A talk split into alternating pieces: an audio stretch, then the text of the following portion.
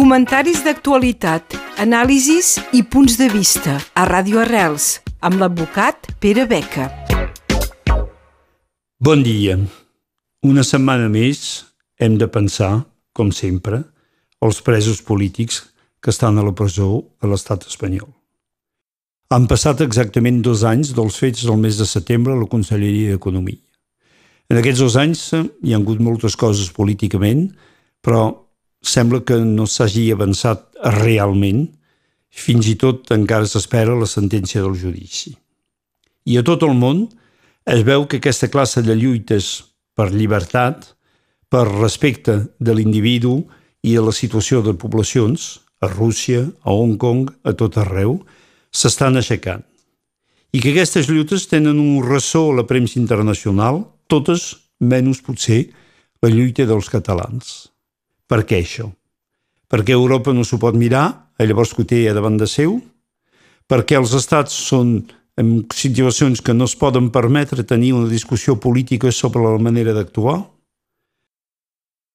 Més senzillament, crec que la dificultat és que ningú té ganes de moure les coses a Europa, tant i com el tema del Brexit no està aclarit, i tant i com la situació no està empitjorada suficientment per justificar aquest tipus de decisió. Els estats estan en situació de defensa. A l'esport com a la política sempre s'ha de mirar, al moment de començar una lluita, quins són les, quines són les potencialitats de la part contrària. Evidentment que anar a jugar contra els All Blacks a la Copa del Món no és el mateix que jugar als Estats Units o Tonga. I s'ha d'adaptar el joc d'aquesta manera. A l'estat espanyol s'ha de mirar també com està en aquests moments el govern de l'estat espanyol.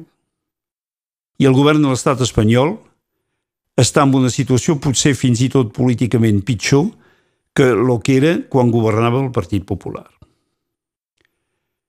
Impossible constitució de majoria. Recordem, l'any passat el Partit Popular va caure a l'ocasió d'una moció de censura a les Corts, al Parlament espanyol, sobre el tema de la corrupció i de les sentències que havien caigut en aquell moment. Per arribar a aquesta moció de censures va ajuntar els vots de molts partits perquè sempre és molt fàcil en política ajuntar gent contra alguna cosa. Però que el senyor Sánchez s'ha donat compte que després d'això era molt més difícil, si no impossible, arribar a ajuntar gent i partits a favor d'una política. Va tenir l'apoio de tots els partits, menys el PP, al moment de la moció de censura, però després no va arribar a aconseguir una majoria estable. Fins i tot va estar obligat de fer eleccions a la primavera del 2019 i d'aquestes eleccions no n'ha sortit cap majoria suficient per arribar a constituir un govern. És a dir, que d'ençà de més de quatre mesos l'estat espanyol no té govern. I que per arribar a constituir aquest govern, el senyor Sánchez es va negar tenir qualsevol negociació prèvia i especialment amb els partits catalanistes, no fos que per al tema dels presos polítics el motiu oficial de la independència de la justícia espanyola. Quatre vegades va intentar el senyor Sánchez constituir un govern i quatre vegades va fracassar i fins i tot eleccions estan convocades pel 10 de novembre a tot l'estat espanyol. Això significa que, clarament, Espanya està políticament dividida i no dividida sobre la qüestió catalana, sinó sobre de moltes qüestions, entre les quals la qüestió catalana, però entre aquestes qüestions, general, qüestions generals i la catalana, les majories no són les mateixes, i aquí és el dilema de les esquerres a l'estat espanyol. El 2014 va néixer un moviment nou que es deia Podemos. El 2015, a favor d'eleccions municipals, va ser una mena de tsunami. Podemos va guanyar el mateix dia Madrid, Barcelona i València. Imaginem si el senyor Mélenchon a les pròximes municipals guanyés París, Lyon i Marsella al mateix temps.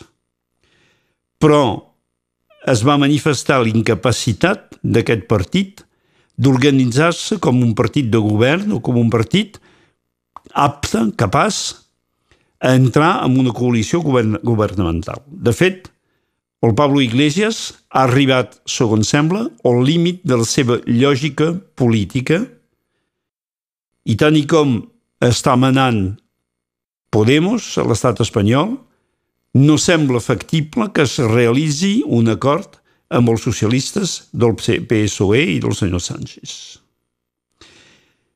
Tant que s'està pensant fins i tot a canviar el senyor Iglesias el cap de Podemos, posant-hi la senyora Montero, que de fet és la seva companya, que això sembla que és una cosa que també a democràcia, el temps dels reis, es transmetia de pare a fill, però a democràcia sembla que això es transmeti de marit a muller. És així. El juny del 2018, Sánchez no va arribar a tancar un acord amb Podemos que pugui li permetre de crear o d'organitzar un govern. I després de les eleccions generals que van tenir lloc a la primavera del 2019, tampoc es va arribar a determinar una mena de plataforma comuna per poder governar Espanya. I això fa que aquest país en aquests moments estigui en situació d'ingovernabilitat, tant si l'esquerra guanya aquestes pròximes eleccions del novembre, com si segurament la dreta les guanya perquè es veu també que la lluita entre el tradicional Partit Popular i el nou o relativament nou Ciutadans es troba en condició d'una coalició molt difícil. Però cuidado, perquè estic convençut que, sortit de les urnes al novembre, potser més fàcilment es farà un acord a dreta, si guanya el PP i els Ciutadans, que no es podria fer esquerra, tant hi ha discrepàncies entre el PSOE i Podem. És a dir, que ens trobem en una situació que potser, i en aquest cas precisament en base a la crisi catalana, perquè el PP i Ciutadans estan ben d'acord sobre que s'ha de tancar el tema català i s'ha de quedar la mateixa situació, fins i tot tornant a posar en plaça un 155. És a dir, que potser això serà l'eina de la part dreta de l'electorat espanyol de mobilització i d'arribar a crear un govern que sigui un govern que en aquest cas serà un govern segurament més dur que no ho era anteriorment. Aquesta batalla electoral a venir comporta una incògnita. La possibilitat que es posin d'acord Ciutadans i PP abans de les eleccions és molt poca. Però sí que poden arribar amb un acord de govern sobretot en base de la lluita contra el fenomen separatista català, que els hi permeti tornar a governar Espanya i que ens torni a posar en la situació que vam ser després del referèndum del, del 2017. I enfrenta d'això, els partits de Catalunya, no dic catalanistes però de Catalunya, estan en una ambigüitat total.